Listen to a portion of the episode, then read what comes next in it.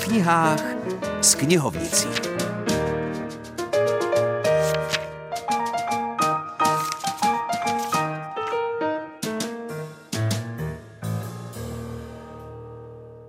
Hezké nedělní odpoledne zdraví vás Filip Černý. Dneska v naší knižní rubrice začneme dětskou knížkou a skončíme vydanou korespondencí.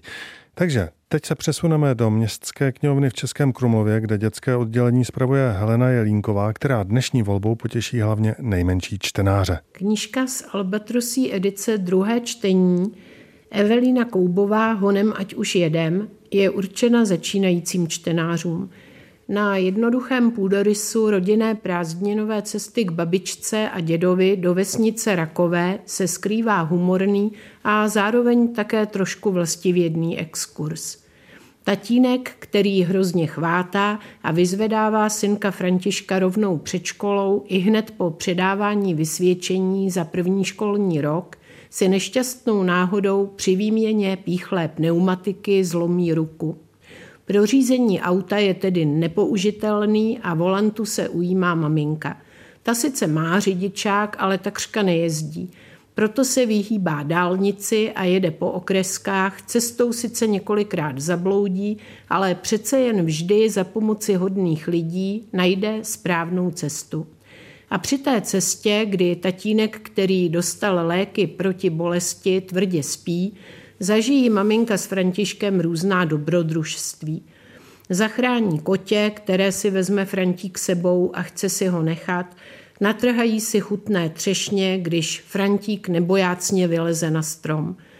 Omylem také vědou do bývalého vojenského prostoru Brdy a tam se potkají s kolonou staré vojenské techniky, která putuje do muzea v Rokycanech. Navštíví také poutní kostel v Zaječově, kde se Frantík dozví od místní paní pověst o svaté dobrotivé zázračné mariánské sošce. Velmi trefně jsou v knížce popsány vztahy v milující se rodině. Smyslem tatínkova života je práce, chce rodinu uživit a zabezpečit, ale neuvědomuje si příliš, že také potřebuje odpočinek a relaxaci. Maminka je starostlivá a milá, jen si moc nevěří v technických záležitostech. Když je to ale nutné, vše dokáže zdatně vyřešit. Frantík se s maminkou moc rozumí a nebojí se jí na cokoliv zeptat. Moc se mi líbí také vztah maminky k minulosti své rodiny. To se snaží přenést i na Frantíka. Krásná scéna zastavení na hřbitově nad rodinným hrobem. Knížka je milým počtením pro celou rodinu a možná i typem na pěkný výlet. Tak řekla máma, když usadila růženu v přepravce vedle mě na zadní sedadlo. Teď si vezmi navigaci Františku a najdi nám cestu. Pojedeme určitě přes Komárov a Strašice a pak dál. Jenom musíme najít kudy. To se píše v knize Honem ať už jedem a my v rubrice o knihách s knihovnicí také popojedeme a to do Českých Budějovic, kde bylo slavnostně představeno vydání knihy s názvem Broučku a cvoku přenáramný. Jde o dochovanou korespondenci exilového teologa a katolického kněze Vladimíra Boublíka. Vydalo jí CDK a texty sestavil Zdeněk Ambrož Eminger. Čím ho oslovil teolog Boublík, který zemřel vlastně čtyři roky předtím, než se Zdeněk Eminger narodil? On byl Vladimír Boublík od svého dětství a od svého dospívání velice takovým svobodomyslným člověkem. A když se nakonec rozhodl, protože se stane katolickým knězem a začal studovat teologem a nakonec se nestal jakýmsi běžným farářem ani v Římě, ani kdekoliv v Itálii, ale začal se věnovat profesní teologii, tak si ji začal věnovat způsobem, který do té doby nebyl úplně přirozený a známý.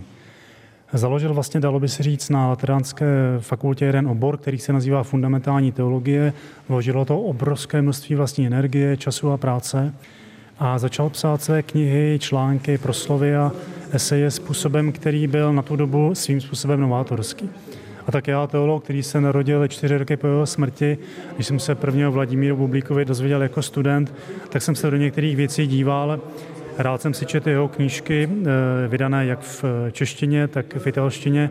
A když jsme se potom dali dohromady s panem profesorem Skalickým a zjistil jsem, že kde si je k dispozici konvolut Bublíkových dopisů, tak jsme se domluvili, že spolu zkrátka vydáme.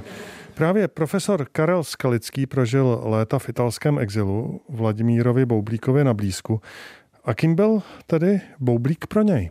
Boublík byl v první řadě přítelem, ale potom samozřejmě tím, eh, bych řekl, osudovým tvůrcem, který mě jaksi umožnil být tím, či jsem v nejtajnějším koutě své osobnosti prostě toužil, ale nikdy jsem si jaksi neměl odvahu připustit, že bych to jaksi dosáhnul.